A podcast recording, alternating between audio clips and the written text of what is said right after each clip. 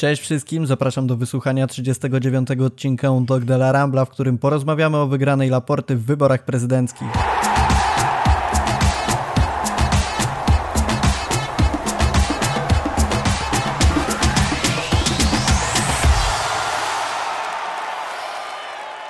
Najlepsze, co można zrobić dla Barcelony, to ją kochać, powiedział Laporta tuż po tym, jak ogłoszono wyniki wyborów. 58% to na pewno duża przewaga nad drugim Wiktorem Fontem, który uzbierał 32% głosów, natomiast na końcu znalazł się oczywiście Tony Frejsza, o tym wszyscy wiemy. Dzisiaj porozmawiamy sobie o tym, z czym wiąże się wybór Laporty na prezydenta Barcelony, czy został wybrany słusznie, a o tym wszystkim porozmawiam oczywiście ze specjalistką w tym zakresie, czyli z Julią. Siemanko. Hej. Na początek jeszcze odeślę Was króciutko do live'a, którego przygotowała redakcja specjalnie z okazji wyborów. Co prawda są tam pewne elementy, które już się nieco zdezaktualizowały przez to, że, że prezydent jest już wybrany, natomiast e, ze względu na to, jacy goście nas odwiedzili, Adrian Białkowski, Michał Zawada, Natalia Ostrowska, na pewno warto tam zajrzeć i dowiedzieć się czegoś więcej o wyborach. To, co nie pojawiło się tam, postaramy się dopowiedzieć tutaj. Zachęcamy do subskrybowania kanału, lajków, łapek w górę i tak dalej, i tak. Hashtag UTDLA Rambla, pamiętajcie o nim. Na początek wystartujemy z tym, co nieuniknione, pani Julio, czyli z krótkim przedstawieniem sylwetki Laporty. Jeśli mógłbym cię prosić o krótkie, zwięzłe przedstawienie tego, co kibice powinni wiedzieć o nowym, a w zasadzie starym i nowym prezydencie Barcelony. No, myślę, że panie Rafale już e, kibice Barcelony e, powinni Laportę znać i wstyd, jeśli go e, nie znają, no ale dobrze. Ale pamiętaj, że docieramy z naszym podcastem nie tylko do wieloletnich fanów, ale też do osób nowych, które na pewno w dobie wielkich do zmian Barcelony fanów. chcą poznać nową, nową, starą postać w klubie. No więc krótko. Laporta prezydentem Barcelony już był w latach 2003-2010. E, wtedy, kiedy obejmował urząd, miał lat 40, teraz ma już, jak łatwo policzyć, 58, ale wciąż jest to ten, ten sam Laporta. Prawnik, biznesmen, były polityk, człowiek e, bardzo charyzmatyczny, lider, który raczej będzie chciał może nie sam, ale, ale no w dużej mierze na e, własną rękę prowadzić klub, wykorzystując swoje liczne znajomości w świecie sportu, czy to wśród agentów, czy różnych biznesmenów, ale także i oczywiście piłkarzy, o czym on, on sam podkreśla i co, co też było widać w, w samej kampanii, gdzie, gdzie wsparły go takie osoby jak Aleksanko, jak Samuel Eto, jak, jak Deco, Wiktor Valdes, Rafa Marquez, no i tak by długo, długo e, wymieniać. Sam Laporta powiedział też, że wygranej pogratulowali mu Messi, Piqué i Alba, więc myślę, że to jest też pewnego ro rodzaju dobry znak. No i co więcej o Laporcie, no na pewno teraz jest e, bardziej doświadczony i mniej porywczy niż te kilkanaście lat temu. Swoją kampanię bazował e, głównie na emocjach, na powrocie do przeszłości, na wspominaniu słynnego sekstetu z 2009 roku, na Pepie Guardioli, na Leo Messi, no, na tych naj, największych sukcesach Barcelony, ale też jakby nie e, zamyka się na, na świat e, technologii, na poszukiwanie nowych sponsorów. Zdaje sobie sprawę, że sytuacja finansowa jest trudna, ale przy tym jego podejście do wyciągania konsekwencji względem byłego zarządu i, i Giuseppe Mari Bartomeu jest e, no, umiarkowane. Myślę, że e, chce e, na spokojnie prze, przeprowadzić audyt i e, zobaczyć, co tam w, w trawie piszczy nie wymieniał zbyt, zbyt wielu nazwisk Laporta w trakcie e, kampanii, więc e, tutaj nie usłyszymy tak, przyjdzie Mbappé za 150 milionów, a Haaland za 75, bo moim kumplem jest Rajola. Oczywiście kumplem Laporty jest Rajola, ale, ale tutaj e, podchodził do, do tego jeszcze jako kandydat bardzo spokojnie i myślę, że taką najciekawszą anegdotką z, z, z kampanii w jego wykonaniu było wywieszenie baneru na wieżowcu w niedalekiej odległości od Santiago Bernabeu. To był ogromny baner przedstawiający Laportę z e, napisem nie mogę się doczekać, aż się znowu zobaczymy. Więc to było takie, no myślę, że to jest coś, e, co się kibicom bardzo podoba, bo nie było hamskie, tylko właśnie taki e, drobny przytyczek od wiecznego rywala przypomnienie tej rywalizacji, tego, co, co on sam powtarza, czyli że e, za jego prezydentury Real nie wygrał Ligi Mistrzów ani razu. No i z tym e, jakby trudno, trudno jest się kłócić. No i przede wszystkim e, Laporta jest też o wiele lepszym mówcą niż jego kontrkandydaci.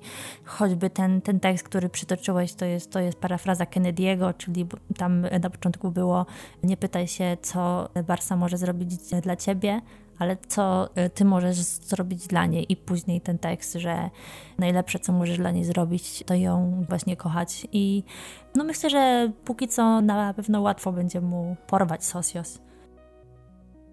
Dzięki wielkie za przytoczenie. Myślę, że taki wstęp jest bardzo ważny właśnie dla osób, które zaczynają się dopiero interesować wyborami, w zasadzie Barceloną, bo rzeczywiście to, że Laporta e, był obecny w Barcelonie, to myślę, gdzieś każdy z tyłu głowy musi mieć. Natomiast jeżeli spojrzymy sobie na daty, to, to rzeczywiście jest już to dość dość dawno i też sytuacja w piłce nieco się zmieniła. Przede wszystkim Barcelona jest zupełnie innym klubem.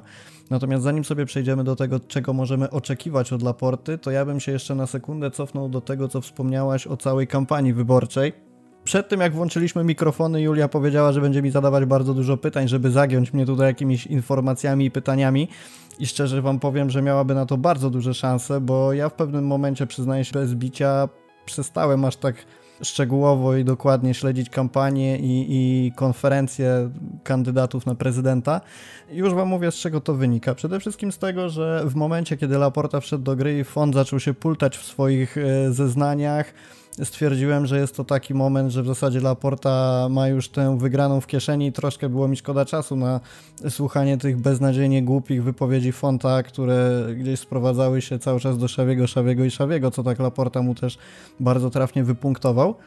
Natomiast gdzieś te kampanie cały czas śledziłem i chciałbym Cię zapytać, Julia, o to, czy nie uważasz, że wygrana Laporty to tak naprawdę jest przegrana jego kontrkandydatów. Czy to nie sprowadza się do tego, że konkurencja nowego prezydenta była, Barcelony była na tyle mierna, niezorganizowana, że Laporta mógłby w zasadzie nie zrobić niczego, a i tak te wybory by wygrał dużą przewagą głosów? No, ja myślę, że e, dokładnie tak było, czyli że e, Laporta wygrał e, właśnie tym, czego nie zrobił, a nie tym, co, co e, zrobił. Wziął rywali na przeczekanie i oni zaorali się już sami. E, mówiąc kolokwialnie. No, od początku e, rzeczywiście odnosił się do tych emocji. Pamiętam prezentację kandydatury Laporty, w której on e, mówił też o tej mm, jedności potrzebnej w czasach pandemii, o tym, jakie to jest smutne, że wiele osób straciło bliskich, że teraz się musimy trzymać razem i, i dbać o ten klub, który tak bardzo kochamy. Nawet to jego hasło wyborcze, czyli kochamy Barsę, no jest, jest takie bardzo wpisujące się w te w tę retorykę.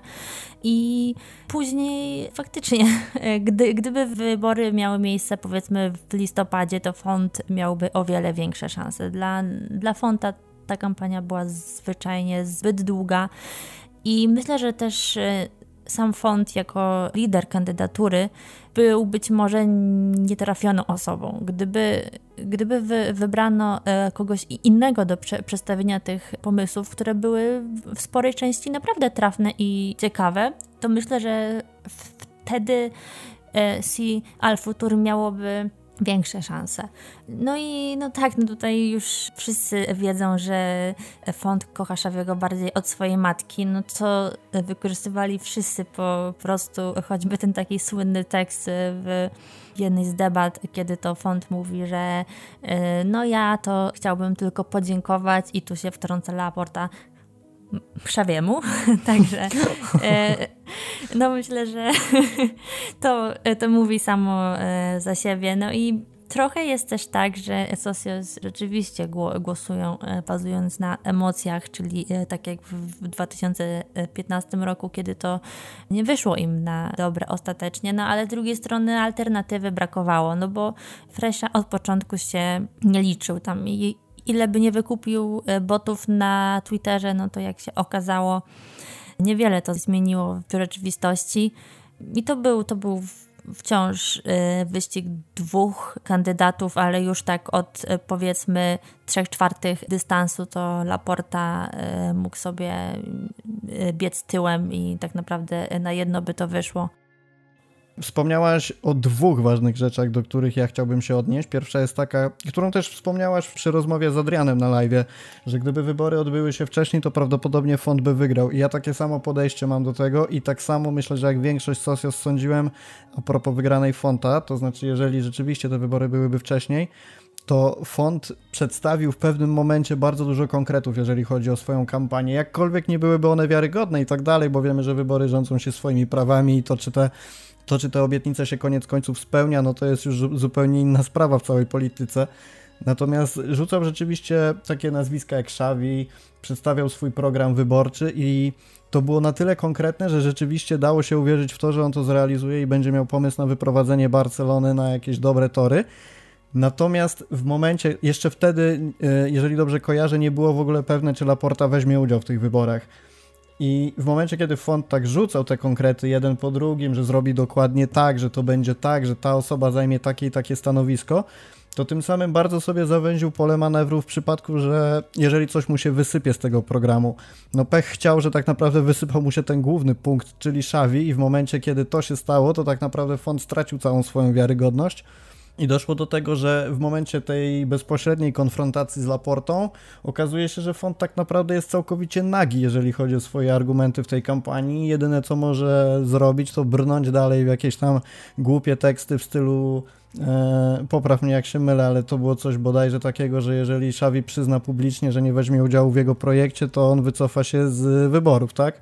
Tak, dokładnie. No właśnie i, i ja sądzę, że też tutaj trudno mi ocenić, czy te konkrety to był plus czy minus Fonta, natomiast w zestawieniu z tym, co zrobił Laporta, czyli takie z jednej strony dużo charyzmatycznych słów, to co powiedziałaś, że jego to w jakiś sposób reprezentuje, ale z drugiej strony brak jednoznacznych obietnic było bardzo kluczowe, jeżeli chodzi o jego końcową wygraną. I to jednak, to jednak był zdecydowany plus, jeżeli chodzi o kampanię Laporty, bo on teraz w tym momencie ma tak naprawdę bardzo duże pole manewru, jeżeli chodzi o dalsze działania. To znaczy, kibice już na starcie nie będą go musieli rozliczać z tego, czego nie zrobi. On może się spokojnie zapoznać z sytuacją Barcelony i dopiero potem wdrażać działania. Plus to, co. Tak, bo on ma bardzo małe szanse na tak naprawdę niespełnienie obietnic, Dokładnie. bo tych obietnic prawie że nie było żadnych, więc. Dokładnie tak. I też jedna rzecz jeszcze odnośnie y, kandydatury Fonta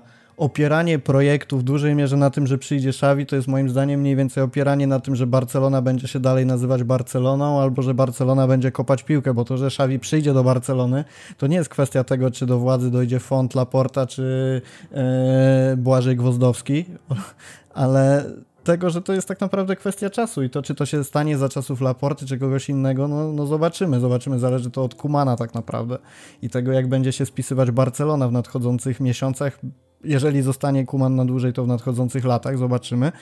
No to... A ja bym chciała też e, tutaj zauważyć coś, co mam wrażenie ludzie e, pomijają, bo strasznie podniecają się tym, tym Szawim, tak, tak. który e, może być, owszem, dobrym trenerem, czy może być dobrym menedżerem generalnym, tak jak chciał go zrobić fond, ale nie samym Szawim żyje człowiek i jakby dla mnie na przykład osoba Pujola, który wydaje mi się, że jest obecnie bardzo blisko powrotu do klubu, bo ostatnio się uaktywnił na Twitterze, też był na wyborach, pogratulował Laporcie i ja myślę, że Pujol obecnie może być tak naprawdę dla Barcelony równie korzystny, a jak nie nawet korzystniejszy, biorąc właśnie pod uwagę to, że Kuman radzi sobie całkiem nieźle i nie ma potrzeby póki co go, go zwalniać. I tak samo inne osoby, które Laporta e, może ściągnąć, być może one będą o wiele bardziej przydatne w tym konkretnym momencie dla klubu. To skoro już jesteśmy przy tych osobach, to y, kto na tobie robi największe wrażenie, jeżeli chodzi o ten y, sztab Laporty? Wiesz co, e, trudno jest cokolwiek o sztabie powiedzieć, bo on jakby nie istnieje, ale no na, na pewno takim największym nazwiskiem jest e, Mateo Alemani, który, który był na prezentacji e, projektu sportowego, czyli poniekąd daje się już z Laportą kojarzyć, ale też sam, sam Joan e, powiedział, że póki co nie osiągnęli żadnego porozumienia, także to nie jest na 100% pewne, a dla osób, które e, nie wiedzą, kim on jest, no to jest bardzo znany człowiek w hiszpańskiej piłce, e, dyrektor sportowy lub też właśnie menedżer generalny, taka osoba od zarządzania sportowym obszarem klubu pod kątem transferów między innymi. Pracował w przeszłości w Walencji i tutaj z pewnością jego doświadczenie może być nieocenione. Z drugiej strony mówi się o Jordim Cruyffie, który może wrócić z Chin, ale ja tutaj akurat byłabym sceptyczna co do tego, czy on ma klubowi do zaoferowania coś więcej niż e, nazwisko po prostu. Znaczy ja e, póki co nie kupuję jego kariery dotychczasowej, ale kto, kto wie, może się pomylę. Maciek Łódź, który bardzo intensywnie śledzi wschodnią piłkę, wspomniał dzisiaj na Twitterze, że Jordi Cruyff póki co skupia się na tamtejszych e, rynkach i tam póki co będzie sobie działać, także na razie, tak jak mówisz, nie nic pewnego. Mi w oko, szczerze mówiąc, wpadły dwa nazwiska, jeżeli chodzi o kampanię. Jak zgadniesz chociaż jedno, to wysyłam ci czekoladki. No, akurat nie wyślesz mi żadnych czekoladek. Ja nie daję się na takie obietnice mamić. Nie podejmujesz wyzwania? Nie, bo i tak nie e, będzie czekoladek, dawaj. Ferran Reverte, ta informacja pojawiła się bodajże dzisiaj, czyli dyrektor generalny Mediamarktu. Mediamarktu, tak. I już mówię dlaczego. Piłka nożna w tym momencie jest takim obszarem, gdzie zatrudnianie tylko osób związanych z piłką jest zupełnie bezcelowe i włączenie do projektu osoby, która zna biznes, zna działanie na różnych rynkach uważam, że okaże się bardzo trafne i też będzie to takie świeże spojrzenie na e, rynek piłkarski osoby z zewnątrz. A drugie nazwisko to Jordi Montpart, czyli profesor fizyki, ekspert w dziedzinie technologii kwantowej, jest też w jakiś tam sposób zaangażowany w działalność ze sztuczną inteligencją. Jeżeli wierzyć w to, co Laporta chce zrobić w swoim projekcie, czyli postawienie na big data i E, monitorowanie danych i tak dalej, i tak dalej. Uważam, że to będzie bardzo trafny ruch. E, no wiemy jak wygląda obecny świat, wiemy, że tych danych jest bardzo dużo, wiemy, że zarządzanie danymi to jest coś, coś niesamowicie rozwijającego się i jeżeli ja tak myślę, spojrzeć na to chociażby od strony poszukiwania nowych zawodników, nowych talentów, to odpowiednie, odpowiednie zarządzanie tym obszarem będzie jak najbardziej pożądane i, jeżeli Laporta zatrudnia takich ludzi, to uważam, że rzeczywiście jakiś projekt na Barcelonę ma. I, I uważam, że taki ruch, takie nazwiska są dużo bardziej trafne niż, no nie wiem, przychodzi mi teraz do głowy na przykład Erika Bidal, który, który szału nie zrobił, że tak powiem. No tak, myślę, że, że właśnie szcz szczególnie ten nowy dyrektor generalny to może być dobry strzał, ponieważ no wiadomo, że do tej pory i póki co dalej nim jest, dyrektorem jest, jest Oskar Grau, czyli no, kumpel Bartomeu Celi, więc już e, pomijając fakt, czy zostanie skazany, czy nie, no to myślę, że trzeba go stanowiska pozbawić jak najszybciej. Wśród tych postulatów Laporty jeszcze dało się odczuć przede wszystkim to, że będzie traktować e, Lamasię jako gwarancję sukcesu sportowego i finansowego. No ale to każdy tak mówi. Tak, zgadza się, ale wiesz co, gdzieś jestem prędzej w stanie uwierzyć Laporcie w te słowa niż na przykład Fontowi czy Frejszy. E, Laporta był w Barcelonie w okresie, kiedy La Masia święciła chyba największe triumfy, jeżeli chodzi o historię Barcelony. Nawet nie chyba, bo trzeba to powiedzieć wprost, że były to największe triumfy La Masji. E, generacja piłkarzy pokroju Szawiego, Iniesty, Messiego, Pique, Busquetsa, często pomijanego też Pedro. Myślę, że Laporta dobrze sobie zdaje sprawę z tego, ile z Lamasji można wycisnąć. Czyli myślę, że możemy się tutaj zgodzić co do tego, że z całej tej trójki, w ogóle ze wszystkich kandydatów, którzy brali udział w wyborach, dostaliśmy najlepsze nazwisko na to stanowisko. No jak to, a nie e, zainteresował Cię bardziej Jordi Farre i jego tatuaże i pizza? Znaczy to był, to był poważny argument w tej kampanii, gdybym był socio i mógł głosować. No, to były dwie pizze, dwie, nie jedna. Dwie pizze i jara? Mhm. A jakbym sobie wydzierał pizzę, to jeden, jedna pizza w Realu by odpadła? Ja, ja myślę, że chyba tylko była y, dziara z, związana z Barceloną, niestety. Aj. Ale może y, pizza z y, herbem z jakiejś tam, nie wiem, mozzarelli i, i y, salami. Hawajska jest dobra, przypominamy. Tak, tak.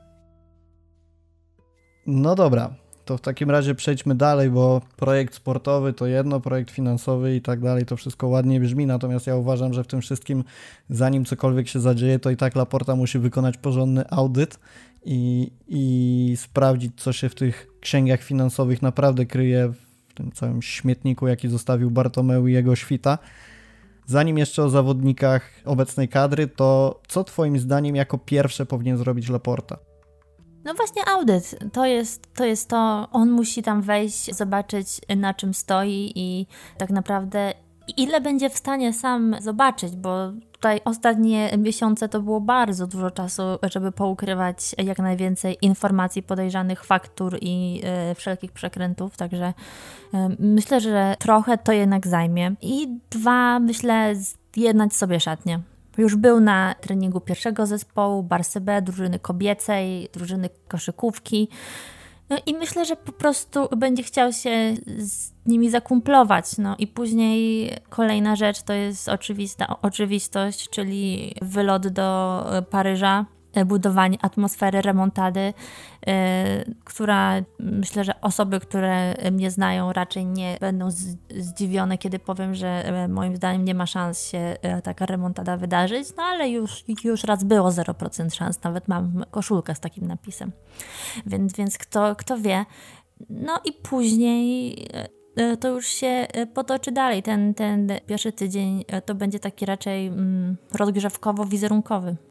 Nie wybrzmiała jedna rzecz w Twojej wypowiedzi, więc dopytam. Znając y, sytuację Barcelony, która jest dramatyczna, a z drugiej strony znając charyzmatyczny charakter Laporty, moim zdaniem w głowie Laporty być może dojdzie do konfrontacji dwóch pomysłów na zarządzanie Barceloną. To znaczy, z jednej strony można ją prowadzić w taki spokojny sposób i powoli wyciągać z tego długu e, negatywnego PR-u, a z drugiej właśnie tu wchodzi ta odważna strona Laporty, spróbować ją w jakiś potężny sposób dofinansować. Nie wiem w jaki sposób, nie wiem jak to wygląda od struktury bankowej i co Laporta swoimi znajomościami może zrobić. Natomiast co Twoim zdaniem zrobi? Czy właśnie podejdzie do tego na spokojnie, czy raczej będzie starał się jeszcze bardziej zadłużyć klub, żeby odzyskać go sportowo i w ten sposób wyciągnąć ją z dołka? No myślę, że on na, na pewno był jedynym kandydatem, którego można by y, podejrzewać o, o taki ruch, czyli o pójście właśnie w bank i zadłużenie się jeszcze bardziej, pogorszenie kondycji klubu kosztem potencjalnych sukcesów sportowych, pozostania Messiego i tak dalej, ale szczerze mówiąc nie sądzę. Nie sądzę, żeby tak zrobił. Być może stary Laporta tak. Ja w tym nowym mimo wszystko widzę pewne zmiany. Jest trochę bardziej taki ugodowy, ostrożny powiedzmy, więc nie oczekiwałabym tutaj właśnie rzucania wszystkiego na jedną kartę, bo no to by się mogło dla, dla klubu skończyć bardzo źle, bo e, to wcale nie jest tak, że te ciągłe narzekania o groźbę stania się przez Barcelonę spółką to jest e, takie straszenie dzieci wilkiem z lasu, tylko że naprawdę być może za parę lat osiągniemy taki punkt bez powrotu. Więc ja raczej e, powiedziałabym, że, że Laporta podejdzie do, do tego rozsądnie, ale z drugiej strony trzeba pamiętać o tych jego kontaktach, które są nie tylko w świecie sportu, ale także w świecie finansów. Tutaj tak kolokwialnie mówiąc, to jest ta taka mafia Laporty i myślę, że tam się e, coś może zadziać, no bo e, nie bez przyczyny każdy z ostatnich czterech, pięciu prezydentów Barcelony był w pewnym momencie w sądzie. No jest to jakaś konsekwencja tego, w jakich wiesz, kręgach się ci ludzie obracają. To, że Bartomeu i Rosę obracali się w takich, a nie innych, to jest jasne, ale też jakby jest to konsekwencja ryzyka w biznesie, które na pewno będą podejmowali, które podejmie Laporta, więc jeżeli gdzieś tam trafi do tego sądu, to, to mnie to w ogóle nie zdziwi. Kwestia, kwestia, jak to się wszystko skończy jeżeli mówimy sobie o dofinansowaniu projektu sportowego, to nierozłącznie wiąże się to z różnymi nazwiskami potencjalnych transferów do klubu i z klubu. Podczas tej kampanii często przewijały się takie fotki imprezującego Laporty, który na przykład gdzieś tam na luksusowym jachcie popija sobie szampana z Messim. Wiemy, że te relacje z zawodnikami na pewno są bardzo dobre, chociażby o tych, e, sądząc po tych gratulacjach, które składali mu, czy byli, czy aktualni zawodnicy, też trudno mi uwierzyć, że Messi na przykład nie zagłosował na Laportę, bo myślę, że to jest raczej pewniak. Nie sądzisz, że z jednej strony jest to dobry ruch, że klubem będzie zarządzał ktoś, kto ma dobre relacje z piłkarzami, a z drugiej będzie to niejako kontynuacja tego klubu Amigos i że takie postaci jak Messi, Busquets, Pique nie będą zdolni opuścić klub, nie będą, nie będą, wiesz, namawiani przez Laportę. Mam na myśli to, że będzie ich trzymał na siłę po prostu. Wiesz co, ja z jednej strony jestem, myślę, może niepewna, ale bardzo się skłaniam ku temu, że, że Laporta y, postawi pozostanie Leo ponad wszelkim transferem Halanda, Mbappé czy tam innych cudów y, na kiju. Pozostanie Messiego będzie dla niego priorytetem, ale z drugiej strony Jasne, oni są kumplami, ale to nie oznacza, że Laporta nie potrafi e, kopnąć piłkarza w tyłek, bo wiesz, to był taki klub de amigos, ale nie z prezydentem, jakby jako częścią tego klubu. Oni sobie y, żyli, rządzili sami sobie, a Bartomeu był przez nich w, na, w najlepszym razie tolerowany, ale na, na pewno y, nie był ich, ich ziomkiem. Dla Portą myślę, że to będzie takie że fajnie, fajnie, to jest jak z takim kotem, wiesz, że on przychodzi, pogłaszczasz, pomruczy, ale przesadzisz, to on cię może ugryźć bez problemu. Więc y, choćby samo to, jak z klubu odszedł, y, nie wiem, Ronaldinho Eto, to pokazuje, że, że on jest w stanie to zrobić i myślę, że prędzej sobie z tym poradzi niż którykolwiek z jego byłych rywali w wyborach. Właśnie zastanawiałem się nad tym, na ile w tym aspekcie Laporta przegrywa z Fontem, bo okej, okay, to co mówisz... Nie, że... E, font by się bał. Font zobaczyłby legendę Barcelony i by się mu takie e, wielkie kreskówkowe serca w oczach pojawiły i, i to byłoby tyle. Właśnie chciałem też o tym wspomnieć, że z jednej strony przyszło mi do głowy, że Laporta mo może gdzieś e, te uczucie do Messiego i reszty ekipy mieć i mieć jakiś tam może ja tak uważałem, ale rzeczywiście te przykłady Ronaldinho to są tutaj trafne, że mógłby mieć problem pozbycia się ich. No a z drugiej wprowadzenie na stanowisko Fonta, który byłby nowy, to, to jest trochę case tego, jak tak sądzę, na może na nieco większą skalę, ale porównałbym to do objęcia ławki na przykład przez Valverde czy Setiena, gdzie byli po prostu zachwyceni tym, że mogą trenować Messiego i myślę, że tu mogłoby być podobnie, jeżeli doszłoby do sytuacji, że że gdzieś trzeba byłoby się pozbyć Messiego, no to, to mógłby być z tym wszystkim problem, tym bardziej, że ja nie spodziewam się, żeby odejście Messiego za Laporty mogło odbyć się w jakichś negatywnych stosunkach. Myślę, że jeżeli już do tego dojdzie, w co szczerze mówiąc z dnia na dzień coraz bardziej wątpię, to miałoby to raczej taki wymiar, że Messi kończy karierę, szuka nowych wyzwań i rozstajemy się w pokoju przy hucznym pożegnaniu. No na pewno by to było tak, jak to się w, w Hiszpanii mówi por la puerta grande, czyli z e, pełnymi honorami, z pożegnalnym e, meczem, pożegnalne e, koszulki, wszy, wszyscy płaczą, machają chorągiewkami i cały świat żyje tym przez, przez przynajmniej tydzień, przynajmniej mm, ja to tak widzę.